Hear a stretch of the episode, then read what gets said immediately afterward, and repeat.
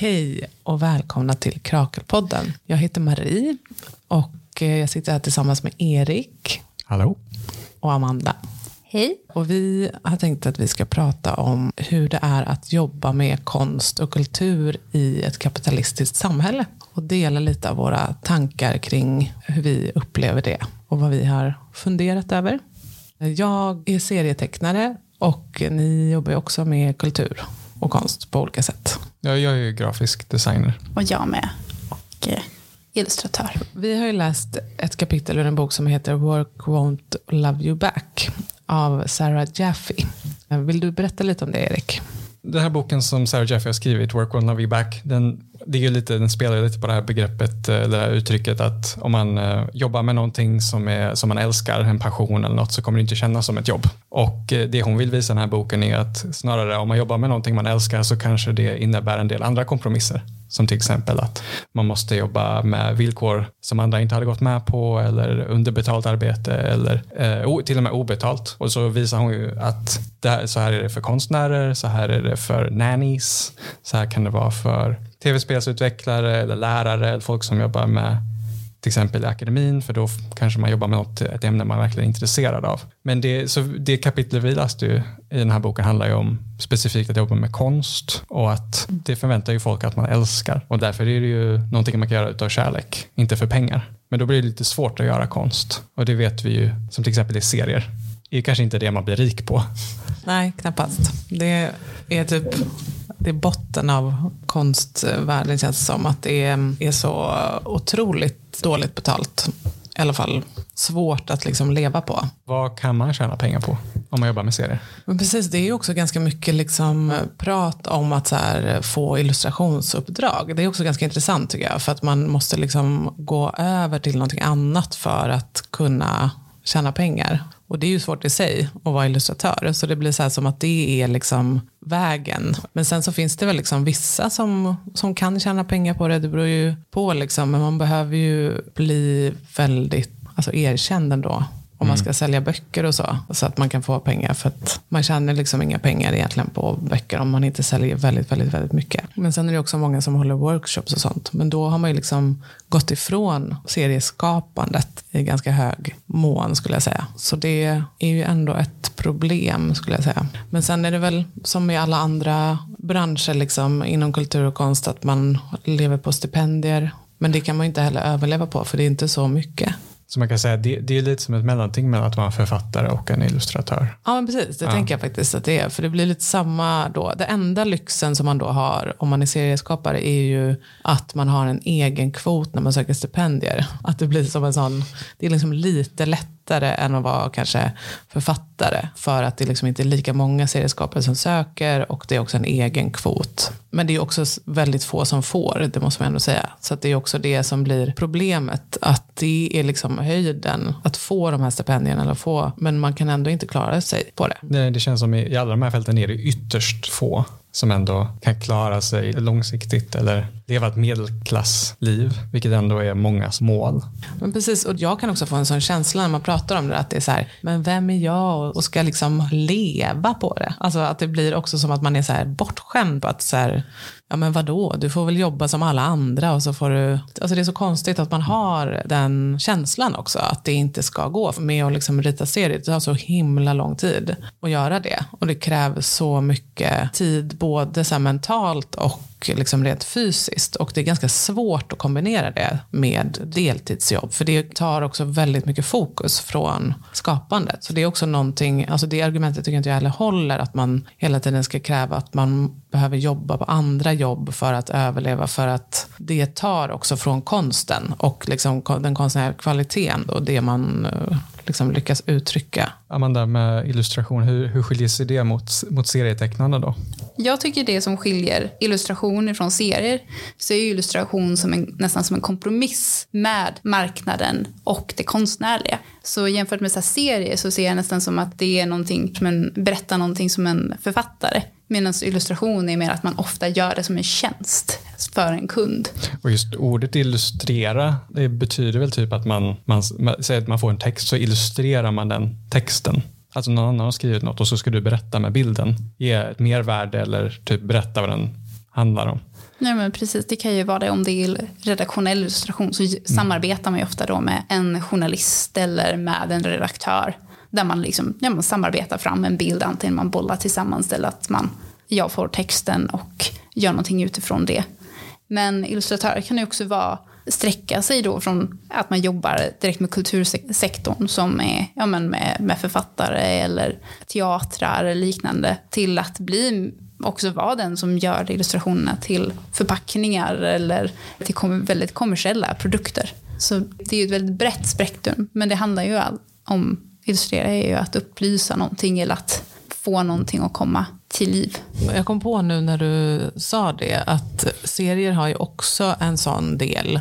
Mm. Om man tänker på serietidningar. Även om det liksom finns en frihet i att jag kanske har skapat en viss karaktär som jag gör en serie på och berättar någonting från början som kanske var fritt. Så det är liksom inte fritt att jag får berätta exakt kanske vad jag vill utan det är liksom i, en, i den här relationen med marknaden ändå ju. Mm. Att, mm Fast på ett liksom, lite annorlunda sätt. Då. Jag tänker att det spelar nog ingen roll om det är serier eller illustration eller, eller grafisk design. Det finaste är ju alltid att få göra någonting som är att man själv är en författaren. Att skapa någonting som om man är en illustratör är att få göra kanske en bilderbok som man själv har skrivit och illustrerat. Jag tänker, det är inte som, jag tänker på Kalanka Company, där det är så här massa olika tecknare som alla tecknar kalanka serier Eller alltså, jag vet inte, det kanske var deras dröm att få göra det. Men det är ju inte, och i, och i grafisk design är det också så att när många blir trötta på att jobba kommersiellt eller med med kunder, då vill man ju liksom själv författa innehållet till boken man har formgett. Eller... Eh. Men det var det jag tyckte väldigt mycket om med kapitlet i boken vi läste. var att hon ville ju belysa det här när man möter det här yttre skiktet liksom av att man säger att man är en konstnär eller att man jobbar med någonting som är, liksom, handlar om skapande så möter man ofta människor som har en illusion vad det här är för någonting. Men när man väl jobbar inom den här sektorn så krossas den ganska snabbt. Eller att man blir väldigt medveten om att det här handlar om helt andra saker.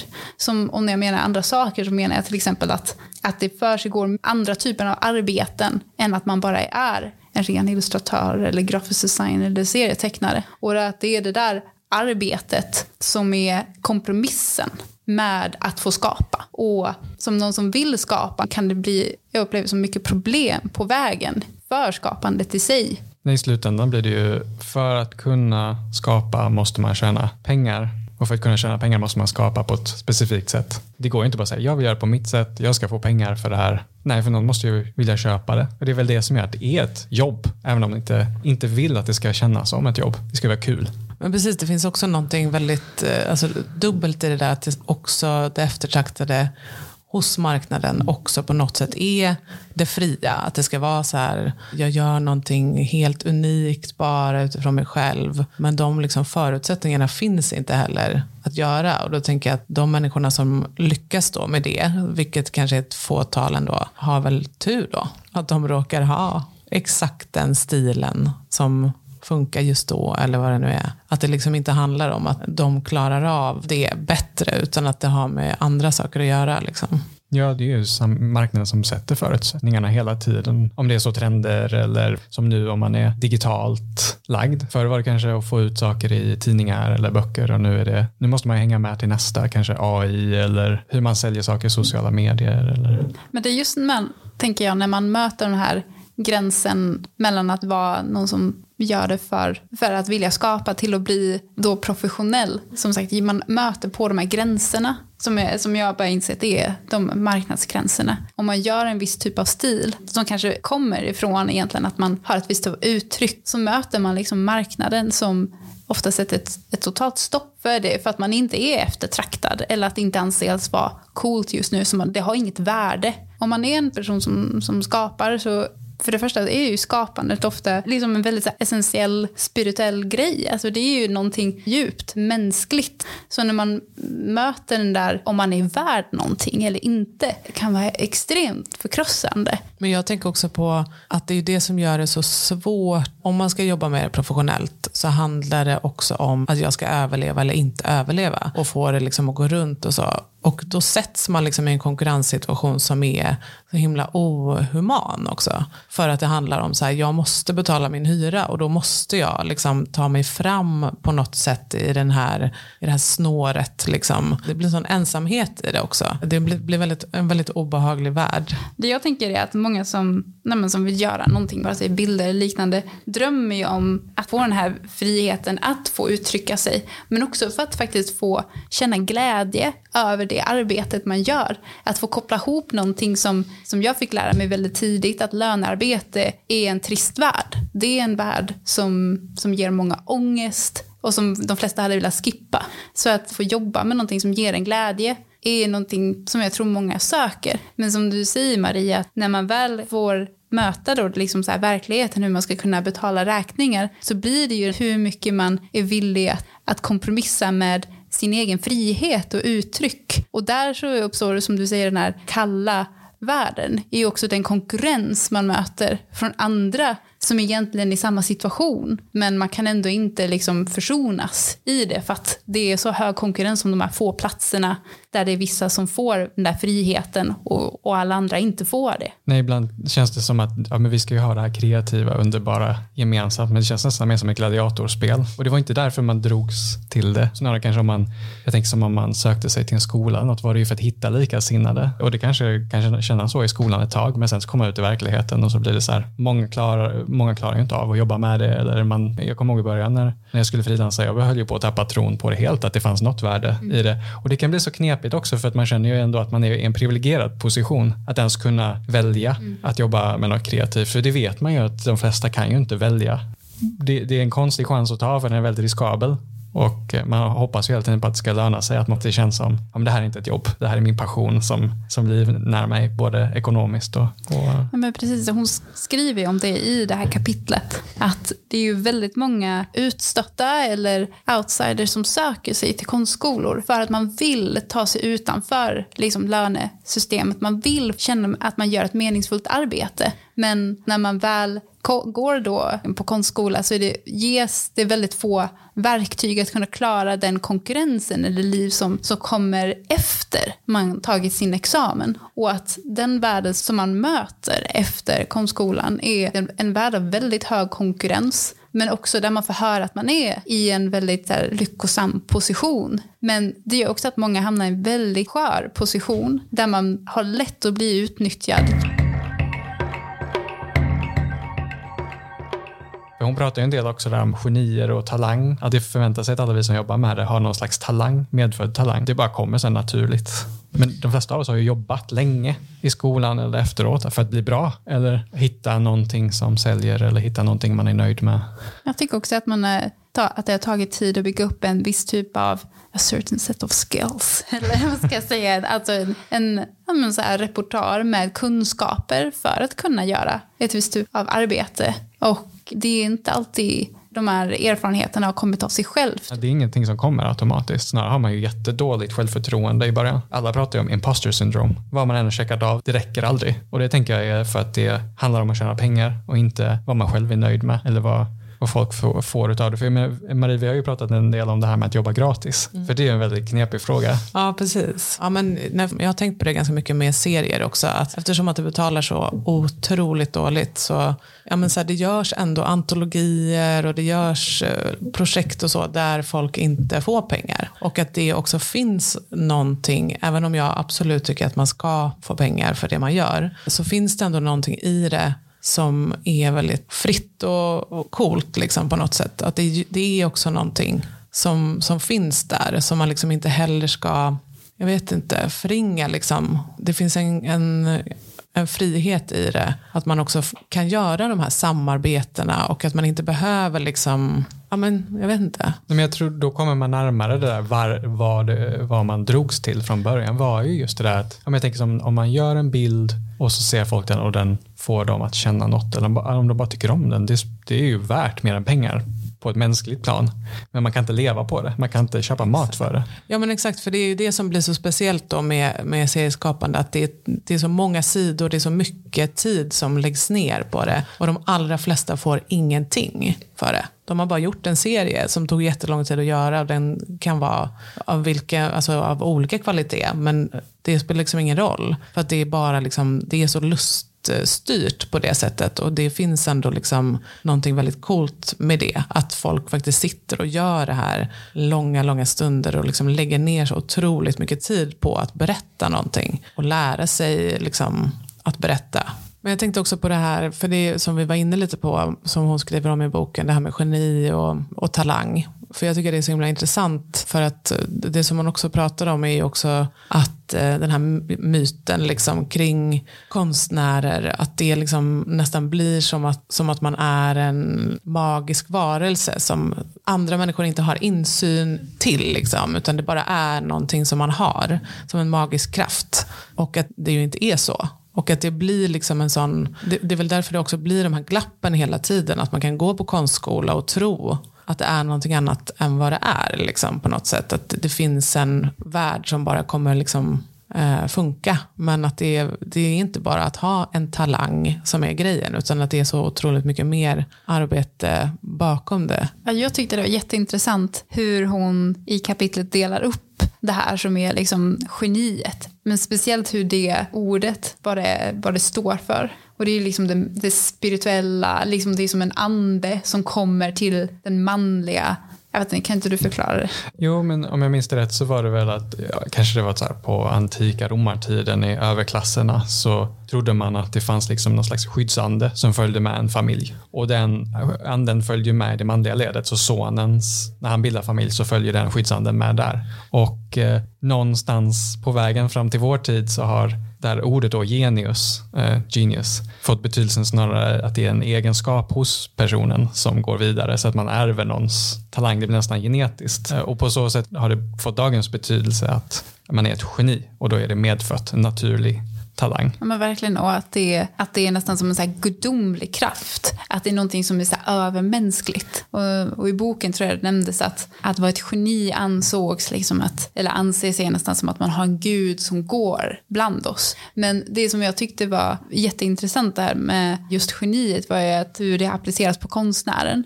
Och speciellt om man tar på så många moderna konstnärer, eller nutida konstnärer, som anses ha någon typ av så genistatus, så nämner hon i kapitlet bland annat han Damien Hirst. Och hon bryter ner det istället för att som Damien Hirst är ju, har ju ett gigantiskt varumärke. Det är ju inte en enskild individ utan det är ju liksom en, en företagare som har hittat på en konstnärskoncept och sen har jättemånga anställda under sig som gör jättemycket arbete för att det ska skapas enskilda verk. Som bland annat dödskallen med diamanter på som såldes för, jag tror en miljard. Men utåt sett, om man ser konstverk utställda av Damien Hirst på ett konstmuseum så tas det fram som den här geniet, individen, Damien Hirst, när det egentligen är ett stort företag som liksom ser till att det här händer. Så då har man på ena sidan det här att, att då är det liksom, så här, liksom det manliga geniet frånkopplat och själva arbetet som görs för att det här ska kunna hända. Ja, men det, det där tycker jag är så bra poäng, att geniet suddar ut arbetet. Oavsett om det är en person som gör allt arbete själv, men om det anses ha en talang eller vara ett geni så förväntar man sig att det var ett lätt, lätt gjort. Det krävde inte så mycket arbete. Eller så är det de här entreprenörspersonerna som vars geni egentligen är baserat på jättemånga andras arbete och de var bara visionärer. Mm. Och jag tycker det, det var väldigt intressant kontra det som är liksom där kärleksarbetet som hon pratar om i boken också, som när folk som skapar, alltså att det finns en så här, de flesta människor har en väldigt så stark känsla av att vilja skapa någonting, men också skapa det av kärlek. Alltså av att det är någonting man gör för att det betyder någonting. För att det är viktigt för en själv eller för att kommunicera med andra människor. Men att just att det där att det har med kärlek att göra eller med lust görs också att det, det blir snarare att då hamnar det längst ner på den här hierarkin. Jag tycker det är jättesmart. I boken så jämställer hon det här typen av så här kärleksarbete som konstnärskap kan vara. Till exempel med sjuksköterskor eller med andra typer av arbete som har med omvårdnad. Att det är sånt som vi bara räknar med ska finnas. Ja, men kärlek blir ett så bra argument till att inte betala någon. Man gör någonting av kärlek till sina medmänniskor eller kärlek till konsten. Ja, men det sänker det ekonomiska värdet på det, är slutsatsen då. Det säger ju ganska mycket ändå om, Ja. om hur det är. Alltså hur vårt samhälle är uppbyggt. Eh, men jag tänkte på en sak och det är som hon också pratar om i boken, alltså som väl är en ganska uppenbar grej, att eh, de flesta som, eh, som håller på med konst eller kultur då, ändå kommer från en viss bakgrund, alltså minst medelklass eh, och har ganska gott gott, eh, har i alla fall vuxit upp ganska gott ställt. Och sen så kommer inte de då tjäna lika mycket som sina föräldrar kanske. Men de har ändå en liksom grundtrygghet som de kan vila på. Och det betyder ju både saker för just den liksom ekonomiska tryggheten, att man kanske har någonting att falla tillbaka på. Men också tänker jag på liksom det eh, sociala kapitalet. Alltså att man kanske har mycket större utrymme om man kommer från en viss klass, liksom, att kunna anses vara en person som kan göra de här fria valen, eller, man ska säga, eller chansa på att inte tjäna pengar. Att jag tänker att om, om man har vuxit upp fattigt och liksom anses vara en person som så här, du måste jobba i det här samhället för att få tjäna och få vara här. Då blir det ju väldigt mycket svårare att ta ett val. Så här, jag ska bli serietecknare och inte tjäna pengar. Jag har liksom knappt några förutsättningar för att få tjäna pengar. Eller kunna tjäna pengar. Det blir liksom ett omöjligt val nästan. Att, och det blir ju verkligen också dåligt för all representation. Alltså för alla och hela samhället. Att det ser ut så. Att man verkligen inte har samma möjligheter. Både ekonomiskt eller socialt. Ju, för man skulle ju ändå bli liksom socialt straffad. Eh, för den typen av val också ju. Man kanske inte ska fokusera så mycket på vilka som är de privilegierade utan vilka är det som eh, trycks ut? Vilka är det som inte ens får tillgång till att uttrycka sig själv? Större delen av befolkningen och speciellt de som är mest förtryckta. Jag menar, det är en sak att ta risken och tänka ja ah, men det är värt att ta den risken för jag kan ändå ta ett annat jobb sen. Men eh, att ens här få en ingång till jag kan bli en serietecknare, jag kan bli en grafisk designer. Som med mig är ju så här bra exempel för jag har en förälder som jobbar som grafisk designer. Så där direkt var jag ju född med en viss förutsättning som andra inte har. Och då ändå kunde det ju vara så att, att min förälder jobbar ju med reklam. Och det är, väl- det är ju kanske det säkraste man kan göra inom grafisk design om man vill ha en bra lön och sådär. Men det insåg jag ju i efterhand att det vill jag absolut inte göra. Och då valde jag att ta en risk att jobba med andra typer av uppdrag och, och till och med bli frilans. Och det krävde ju såklart att jag har en viss, eh, att jag har en medelklass bakgrund. Jag tror du Amanda kanske har haft mer, inte riktigt att det varit så självklart. Nej, för mig var det ju mer att jag fick mycket äh, tvivel och kritik mot att jag skulle jobba inom den här sektorn. Och det gick ju från att vilja göra någonting ännu mer konstnärligt till att det blev godkänt om jag valde någon, en, ett jobb eller en utbildning som kunde ge mig då jobb. Så jag, jag känner att jag fick ju lov att kämpa så mycket för att ens få tillgång eller få liksom rätt till att få göra någonting som jag tyckte var spännande. Men också att när jag väl började utbilda mig och komma in i de här kretsarna att jag förstod att vi pratade två helt olika språk. Att jag, jag hade väldigt lite gemensamt med de här typen av kretsar eller vad man ska säga. Ehm, Där det är mer självklart att jobba med sånt här. Ja, där är det mer självklart att jobba med, med någonting skapande eller liknande. Men också det jag tycker är väldigt intressant när man, som, som vi pratar om, det här, vilka som har tillgång till de här institutionerna eller där man kan utbilda sig. Att det är ju, som sagt, det, det är ju mest medelklass eller övre medelklass som får tillgång till det här. Speciellt om man vill hålla på med konst och liknande så är det ju ofta i de större städerna som de stora utbildningarna finns. Och där kan det ju vara att eh, själva utbildningen är gratis men boendet är hopplöst. Har man inte de där liksom tillgångarna då är man då är man rätt körd eller hamnar man liksom i en kompromiss där utbildningen får försummas eller liksom blir sämre, att man får sämre utlopp av sin utbildning för att det är de underliggande orsakerna som hem, pengar, ja, grundläggande grejer som blir en kamp istället för att kunna hålla sig flytande i en sån stor stad. Ja, alltså jag tänker också nu när vi pratar om det så slog det mig lite att jag tänker att jag kanske inte har haft så, alltså att det kanske är därför jag har börjat hålla på med serier. För att det är liksom en sån tillgänglig, alltså det är så tillgängligt på ett helt annat sätt. För det finns inte så, alltså även fast det finns trender och så, så är det ändå, som att det är så litet, alltså en sån liten bransch, så är det ganska fritt på något sätt. Alltså man kan göra väldigt, eh, man kan göra lite vad man vill. Alltså på ett sätt. Alltså det finns i alla fall väldigt vida så ramar för hur, hur det ska vara. Jag tänker liksom att jag tror inte att jag hade liksom det, varken, alltså något kapital för att komma in på någon annan utbildning faktiskt. Så jag tänker att det var liksom det som, som som jag fick ta. Typ. Var det det som, som avgjorde att du kom in på serier? Eller? Ja, men det är det jag tänker, ja. att det nog var så. Uh, lite. Och det är inte för att serier är sämre, liksom, utan bara att jag tror att det är liksom, man kanske inte behöver riktigt samma bakgrund, tror jag. Och nu pratar jag liksom utifrån, jag menar, det finns absolut, jag menar, det är jättemånga som gått på Konstfack som håller på med serier och så. De, alltså, det är ju inte alls eh, en enkel ekvation på det sättet. Men jag bara tänker att det är en väldigt tillgänglig, det är någonting med det som, som är tillgängligt på ett annat sätt. Men alla introduceras ju till serier ganska tidigt i livet, tror jag. Alltså genom dagstidningar eller serietidningar, till och med i skolan kanske. Eh, på ett sätt som man inte gör med sig bildkonst eller men precis, det har liksom inte så hög status. Det är väl det kanske.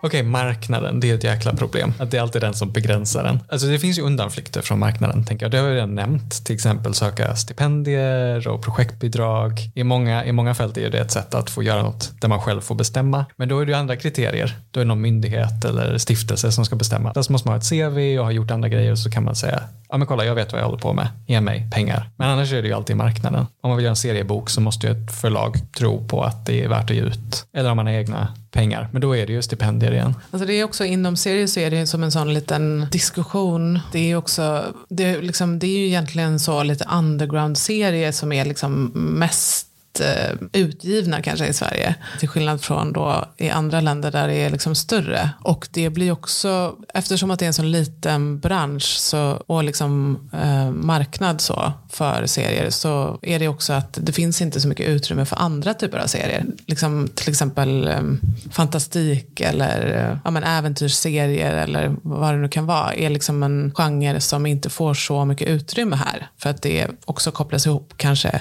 lite mer med barn. Eh, Eh, även om det absolut inte är så. Det blir en sån himla snäv, alltså just för att det är så lite, det är så få som, som köper det, så, så blir det så otroligt snävt för vad som får ges ut och inte. Men det som har varit i Sverige är det väl också att det här med liksom kvinnliga serieskapare har varit ganska stort och vi ändå har något slags rykte liksom utomlands att det är så här feministiska serier. Och det är ju väldigt coolt. Men samtidigt så är det ju så som jag har tänkt med mitt skapande, liksom, att jag tycker också att det är väldigt svårt att förhålla sig till det på ett fritt sätt. För att, alltså som vi har pratat om och varit inne på, att när man ska jobba med det och måste kunna betala hyran, man måste kunna liksom betala räkningarna, så är det också att jag måste komma på mitt nästa projekt måste också generera pengar och stipendier. Och då måste jag liksom hela tiden förhålla mig till, till det innan jag liksom kommer på vad jag ska göra eller om jag ska göra en bok eller ett projekt så behöver jag förhålla mig till om det här kommer vara någonting som folk ska köpa eller om någon kommer vilja ge ut det. Och det tycker jag är väldigt problematiskt. Jag, eller jag tycker personligen inte om att känna så överhuvudtaget för att jag vill inte vara där. Eh, jag tycker inte det känns som en, en rolig liksom, kombination. Och den känns lite olöslig liksom, på något sätt också. Mm. Ja, och vad det gäller säljbarhet i grafisk design, det är ju jätte, det är knep, att de flesta grafiska designers är anställda först och främst. Tror jag. Det är värt att påpeka att de flesta jobbar ju för någon annan, kanske en reklambyrå. Och det enda de jobbar med är ju att sälja. Så om man ska göra en ny förpackning eller en reklamkampanj och sen vad är nästa steg? Det kanske jobba på en, en, vad man kallar en designbyrå och då kanske mer mot museer eller göra logotyper till lite lyxigare märken. Och så finns det en skala där där man börjar närma sig mer kulturvärden och då börjar det också bli allt färre uppdrag och det handlar ju om en annan typ av säljbarhet. Jag tror många grafiska designers drömmer om att fly från det kommersiella genom att bege sig in i kulturvärlden och det är ju mer befriande, det tycker jag, om man så jobbar med en utställning eller en enskild konstnär att göra en bok om dem eller hjälpa dem med en hemsida eller något sånt. Men alla de man jobbar med, de vill ju vara säljbara själva. De vill ju projicera en bild av sig själva som man hjälper dem med som designer. Um, och även då, säg om man kommer så långt att man har egna idéer till projekt, egna utställningar eller egna böcker man vill designa,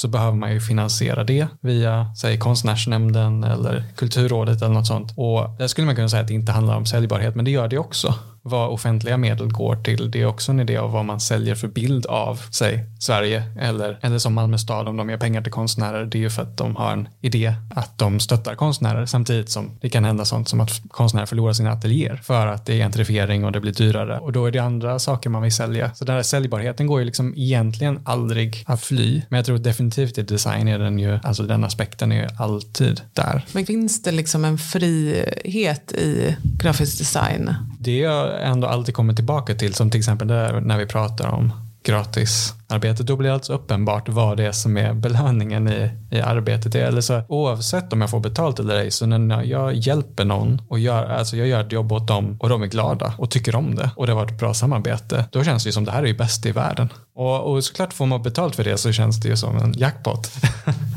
och då, och jag, där tycker jag ju att det är ju friheten i skapandet oavsett om man skapar för sig själv eller för någon annan är ju det är den friheten man är ute efter om man ska bortse från den ekonomiska friheten. Men jag tänker också med grafisk design med eller frihet, det är också att få välja innehåll. Liksom, grafisk design är ju ofta en, en tjänst eller någonting man gör för någon annan, liksom, att hjälpa någon att kommunicera. Mm. Så den friheten som finns i grafisk design är ju att få lyfta fram ett projekt eller ett innehåll som kanske hade glömts bort eller som inte anses vara så, ja, men, så högt värderat av marknaden eller som ska säljas.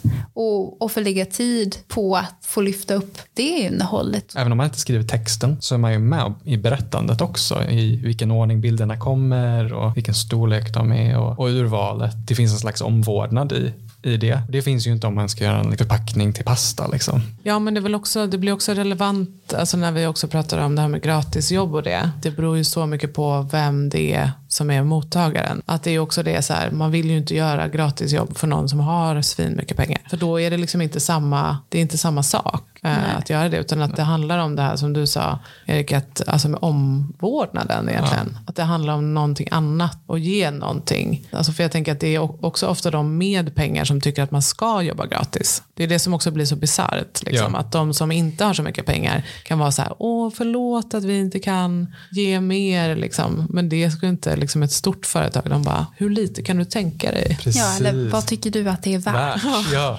och det, det tycker jag är faktiskt viktigt att påpeka, för det är mycket konkurrens sinsemellan i samma fält. Men jag kan också uppleva att det finns en solidaritet mellan små fristående aktörer i olika fält. Man har ju varit med om att ett litet förlag betalar lika mycket som Bonnier för ett bokomslag till exempel. Nej, för det är ju helt orimligt att det är så. Om man har mycket pengar så borde man betala mycket. Och jag tror det är kanske ett bevis för det här, vad är de riktiga värdena i det vi jobbar med? Det är inte pengarna. Det är ju, då skulle vi inte bett oss in i det här från första början. Men det betyder inte att det är jävligt eh, jobbigt att tänka hela tiden på att få in pengar och kunna fortsätta ha tid till att jobba med det. Jag tror det är det som är så liksom fruktansvärt med att kreativitet och konstnärlighet ens ska finnas på en marknad, det är att det tar bort alla andra värden för det mesta. Och då skulle man kunna argumentera för, men det måste ju inte vara ett jobb, man måste ju inte jobba med det. Nej, men då får man jobba med det på fritiden och då har man en begränsad ork och tid. Ja, och jag tycker att det är så relevant också att liksom, min personliga upplevelse av det är, det är inte bara tid. Alltså jag kan liksom inte lägga upp en dag så här, okej, okay, och jag jobbar halvtid och så jobbar jag en halv dag och sen kan jag bara gå hem och, och rita liksom. För det funkar inte så. Man kan inte lägga upp det som an, en annan typ av arbete. Jag kan liksom inte vara produktiv på samma sätt som många andra jobb som jag har haft. Liksom, där man kan säga, men nu går jag till jobbet och så gör jag det här. Så det blir så fel att prata om det på det sättet också för att det liksom skulle vara rimligt att kräva det. För att då kommer vi typ inte ha någon konst. Nej. Alltså man behöver ha tid. Mm. Och det behöver också finnas. Och jag tänker att det är mer så att eh, andra typer av jobb ska inspireras av konst istället för tvärtom. Att det är så här, ja om man behöver, alltså alla jobb skulle säkert vara mycket bättre om man fick så här, ja men sätt dig och fundera en stund på vad du ska göra. Du kan ta två timmar och sitta i den här soffan eller gå ut på en promenad. Hur ska du lägga upp den här dagen? Kanske kommer lite nya tankar. Att det är också liksom, det är så man vill ha det. Alla vill ha det. Ja. Jag. Mm. De första åren när jag frilansade så försökte jag emulera vanliga arbetslivet. Gå upp tidigt, börja så tidigt som möjligt, jobba så länge som möjligt. Men när man jobbar för sig själv så inser man ju ganska snabbt att det är totalt poänglöst och att snarare att man får mycket mindre gjort. Att det funkar inte så. Det tar tid att komma igång, det tar tid att komma på idéer och det riktiga arbetet tar oftast inte mer än fyra timmar eller så, det effektiva arbetet. Men det, det tycker jag man hör ofta från, från folk som, som har eh, heltidsjobb är ju att det är mycket dödtid. Ja, gud. Ja. Mm. Det är det verkligen. Ja, verkligen. Det, det är väl den, den bästa delen av att jobba för sig själv, är att man kan skippa den biten. Sen så kan man ändå då känna att man är, är oproduktiv och äh, att man borde promota sig själv för att få in mer arbete och vara fullt sysselsatt. Ja men också att den här dödtiden, att jag tänker att man blir så stressad av den. Alltså för att man bara sitter där. Och vad gör jag för någonting? Jag gör ingenting jag borde göra. Jag, borde, jag har en deadline snart. Jag borde rita, jag borde komma på någonting. Men det är också att så här, det är så viktigt att ge sig själv den tiden. För den är också viktig. Om man, det skulle vara så mycket lättare att hantera det om, det, om man liksom accepterade att det var en del av arbetet. Mm.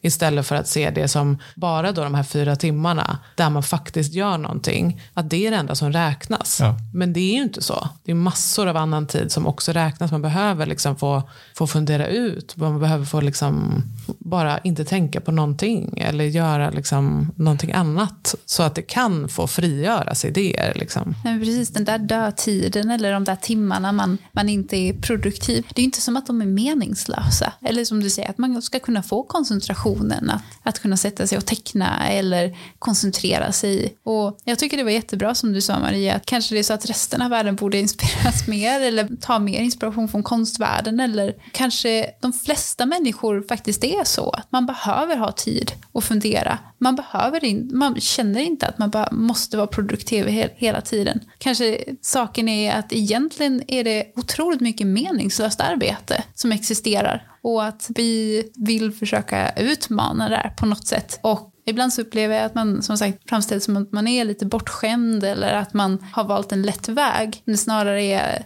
att vi får samma kritik ungefär som lärare får när, när att de ska ha, få sommarledigt. Att det är, de är liksom, lärarna är bortskämda eller ska du få så lång semester? Kanske de flesta behöver det. Verkligen. Och att jobba med, med det kreativa, alltså man, eftersom man har sökt ett meningsfullt arbete från första början så upptäcker man ju väldigt snabbt vad som inte är det. Jag, jag tycker det är så fint när hon tar upp det här med omsorgsarbete, att det är också någonting jag tror många dras till för att det känns ju såklart meningsfullt fullt att ta hand om andra människor. Och sen så vet vi ju att villkoren, arbetsvillkoren är helt förjävliga för många.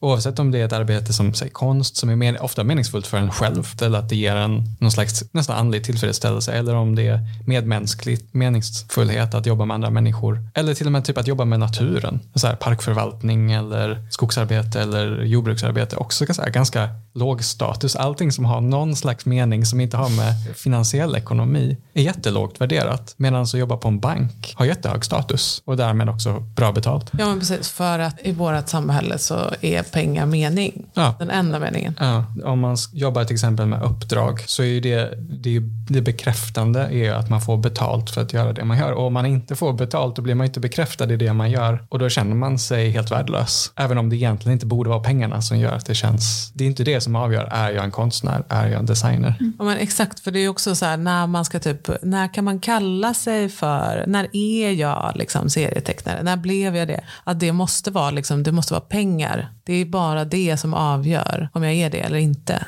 Det är liksom så sjukt att det blir så. Att då blir det ju bara marknaden som avgör om jag är det eller inte. Nej, men verkligen, jag tycker att det är det som marknaden vrider skapandet är till att göra det korrupt. Och korrupt i det meningen att från att det handlar om, om skapandet i sig, eller att som till exempel jag känner ju att även om jag inte hade tjänat, kunnat, tjänat pengar på det här så hade jag ju velat göra det här. Det här är ju en del av det som ger mig extremt mycket lust och tillfredsställelse. Alltså det är ju väldigt meningsfullt. Men inom marknaden så blir det ju korrupt via att jag har bara rätt till min existens om jag tjänar pengar. Också att min värde på det jag gör är också hur mycket pengar jag tjänar. Så om man inte har några uppdrag på G så är det oftast de tillfällena som man ska uppleva som mest skör, för då är man värdelös. Och det upplever jag som helt vridet för vad som egentligen är värdefullt för människor.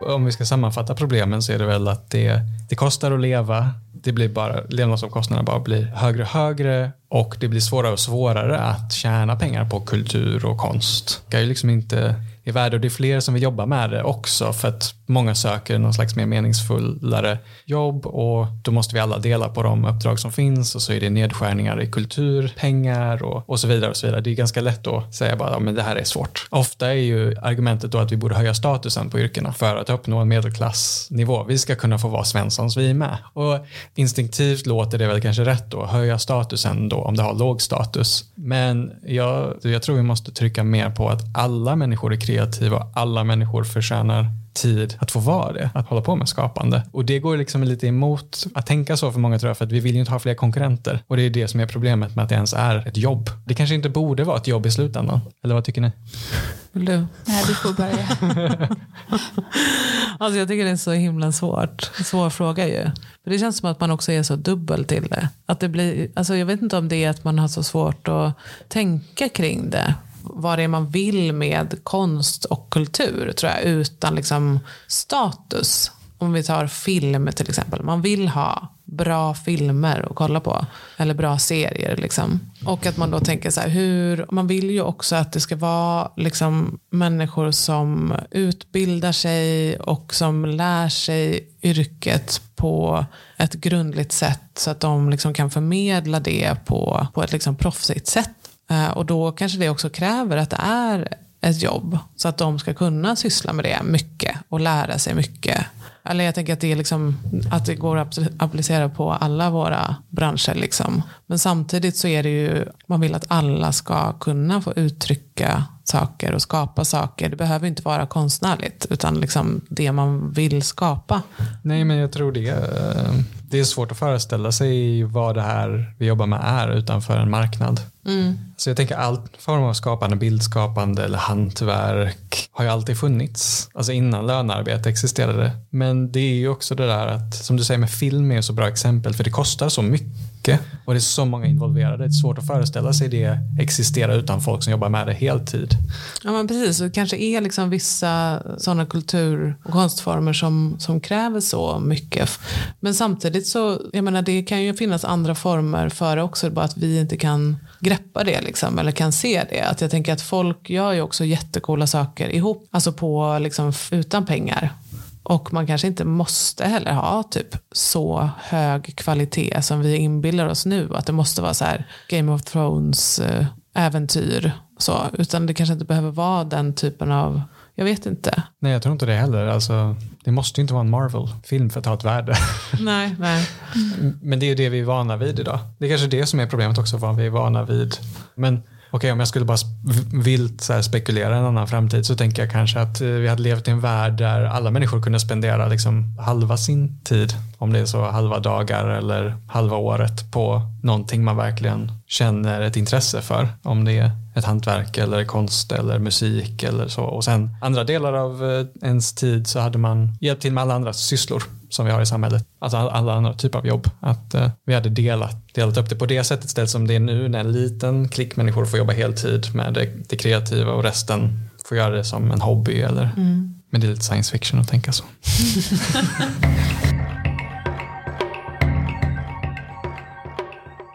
Men okej, okay, det, det vore väl en, en fin vision, tänker jag, i alla fall en framtid där alla får uttrycka sig kreativt och, och konstnärligt. Och då kanske, ja, men då kanske det hade slutat existera som ett jobb så som vi tänker oss idag. Men det finns en annan möjlighet och det är att AI tar över helt och då finns det inga jobb heller. Det, det har varit en del diskussioner om det, till exempel för att det har kommit en del illustration som är AI-genererad som används till, till tidningsartiklar och så.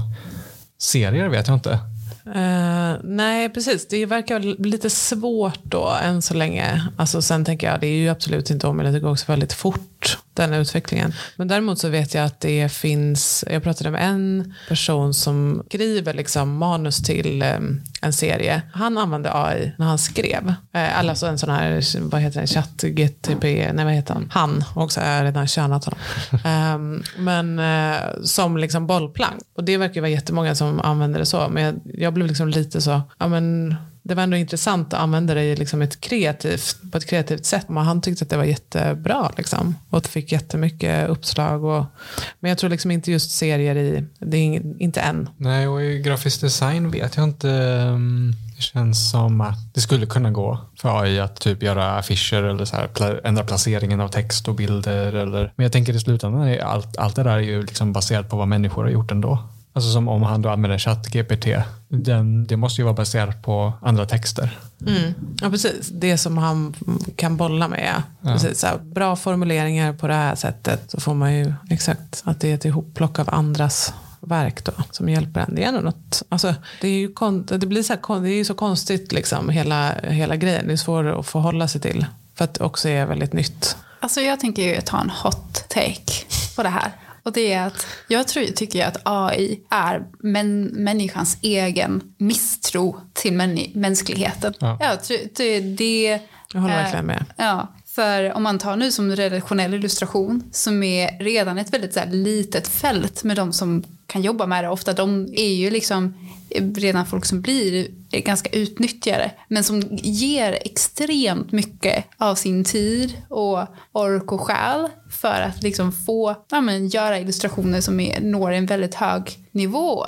Men eh, mycket av det arbetet kommer bli totalt utklassat eller inte utklassat men snarare det är många illustratörer som inte kommer längre användas utan det kommer bli en ännu mindre elitklick som håller på med jättehögt eh, kreativt arbete då och så resten av illustrationerna kommer göras av AI. Och jag tycker att det är en sån dyster syn på människor överlag. Det är som att människor ska inte behövas överhuvudtaget utan vi ska bara vara liksom konsumenter för bilder gjorda av maskiner. Men också att människan har liksom tappat lite tron på sig själv. Och jag tänker så här att en chatt-GPT, även om det verkar vara så här bra och de bollar text, så är det ju också en misstro till sin egen förmåga eller andra människors förmåga att kunna bolla. Som är liksom, är inte den här kulturen som ska ut, är inte den till för människor? Och det tror jag är det som man måste börja ifrågasätta lite grann med AI. Vad är det, det, vad är det man genererar det för? Det är ju liksom för att få bort en stor arbetsgrupp av illustratörer, grafiska formgivare, serietecknare, manusförfattare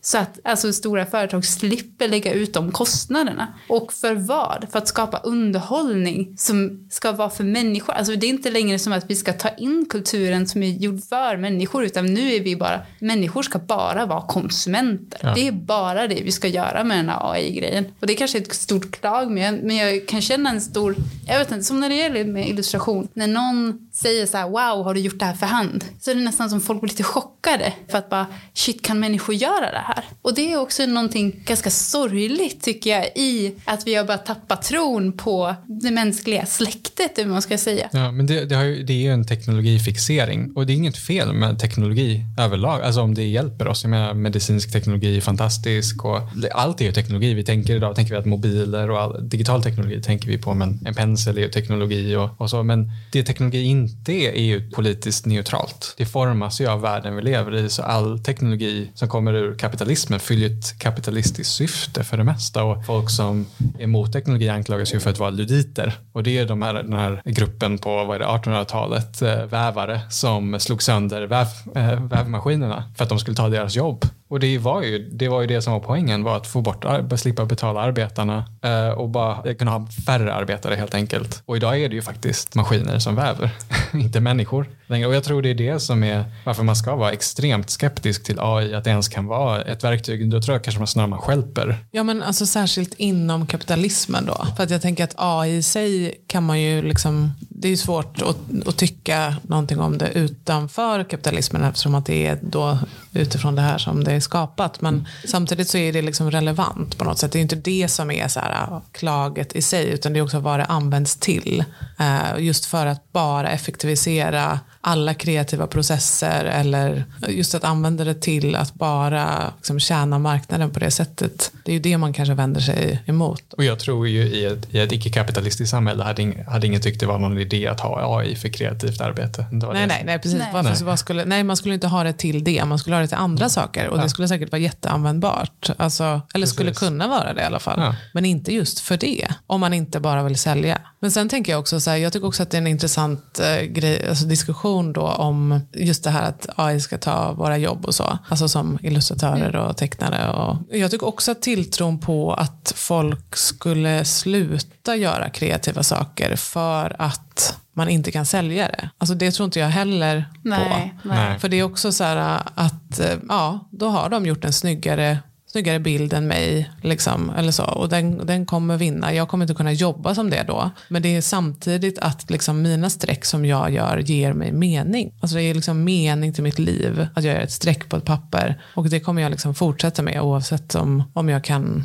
sälja det eller inte. Eller om AI är bättre än mig. Alltså, och jag tänker att det ändå är ganska brett, den grejen. Eh, ändå. Bara att det blir liksom som att det är meningslöst i relation till AI på något sätt. Att det är så här, nej men då spelar det ingen roll. Då kan vi lika gärna skita i och rita typ. Eller.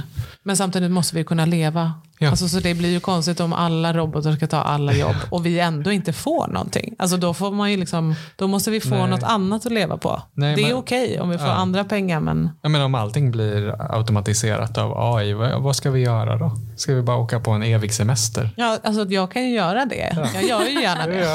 Ja, Men jag måste ändå få in ja, ja, ja pengarna. precis. Men då tänker jag en, en verklighet där allting, där ingen behöver jobba för att allting är fixat. Liksom. För det är också kanske vad vissa tror, att vi kan skapa ett klasslöst samhälle genom att robotar gör allting åt oss. Men jag är också så här, det jag tror jag kommer till igen det här med så här skapandet, varför man gör det, är ju för att göra ett, alltså människor, jag upplever som att människor vill göra arbete. Man vill liksom jobba med olika saker. Och det jag tänker med den här, så här automatiseringen är att man så här skär av människor från, från världen. Och det är det jag tycker, känner en så här motsättning över, om man nu tar som konst också, som är det här, det här att skära av vissa människor från att få vara en del och ge en röst till hur vi vill att vår värld ska vara, eller de här rummen ska vara. Det tycker jag är tragiskt. Och det är det som, om nu tar några exempel som AI, är att skära av en stor bunt med människor från att kunna ens ge ett uttryck inom de här väldigt redan smala ramarna. Och jag är ju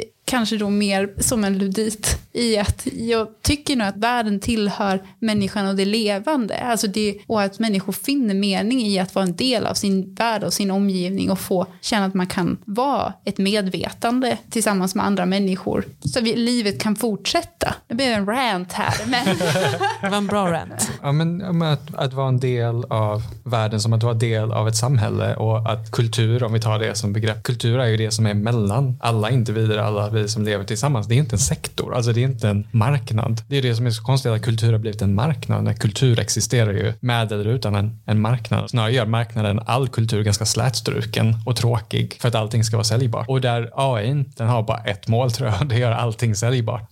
Människor gör motstånd. Jag tror, jag tror det även de, mest, de människor som jobbar mest kommersiellt känner nog att även om, om det är något lite kreativt så tror jag det finns ett litet motstånd alltid att, att inte vilja sälja sin själ helt. Nej, men jag tycker det, det är tydligt med kreativa eller folk som håller på med skapande som har jobbat länge inom det kreativa kommer till slut till en brytpunkt där de blir desillusionerade. Och inom, med illustratörer, då brukar det man har liksom finmejslat sin stil till att bli väldigt säljbar eller kommersiell och kunna ha fått väldigt mycket jobb. Och sen så ser de en barnteckning de gjorde när de var små och bryter ihop för att de inser hur mycket friare de var när de var små jämfört med nu. Och det är också en sån här, när man inser hur avskärmad man blivit från sig själv eller sitt skapande för att ha anpassat sig 100% efter marknaden. Och det är också liksom i princip det som jag upplever att människor gör, speciellt då illustratörer eller folk som jobbar väldigt hårt med att finmejsla sig inom marknaden, är att de successivt gör sig själva till maskiner. Och när man möter det där levande inom sig eller de kommer ihåg hur det var, är det många som bryter ihop eller slutar eller snarare blir desillusionerade vad de håller på med. Och jag tänker att det är väl det som, som, är, som du Erik säger, kultur är ju liv.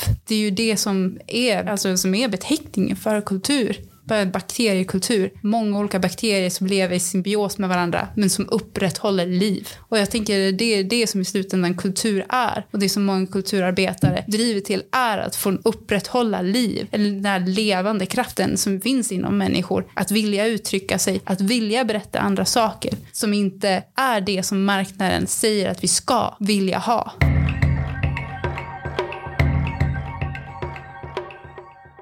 Men nu ska vi väl ta och avrunda då lite grann. Har ni någonting mer som ni vill ta upp? Jag tror också att alla som jobbar med kultur och konst och att, eftersom vi ofta känner oss ensamma och att vi konkurrerar med varandra, att egentligen borde vi fundera mycket mer på hur vi ska organisera oss och gå ihop och stötta varandra under kapitalismen, men också prata om hur vi kan hjälpa till att kanske en dag komma till något annat typ av samhälle.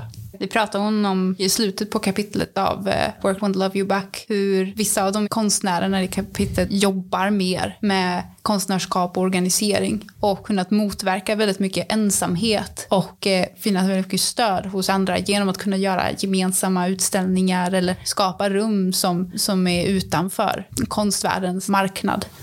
Mm, tack så mycket. Tack. Tack.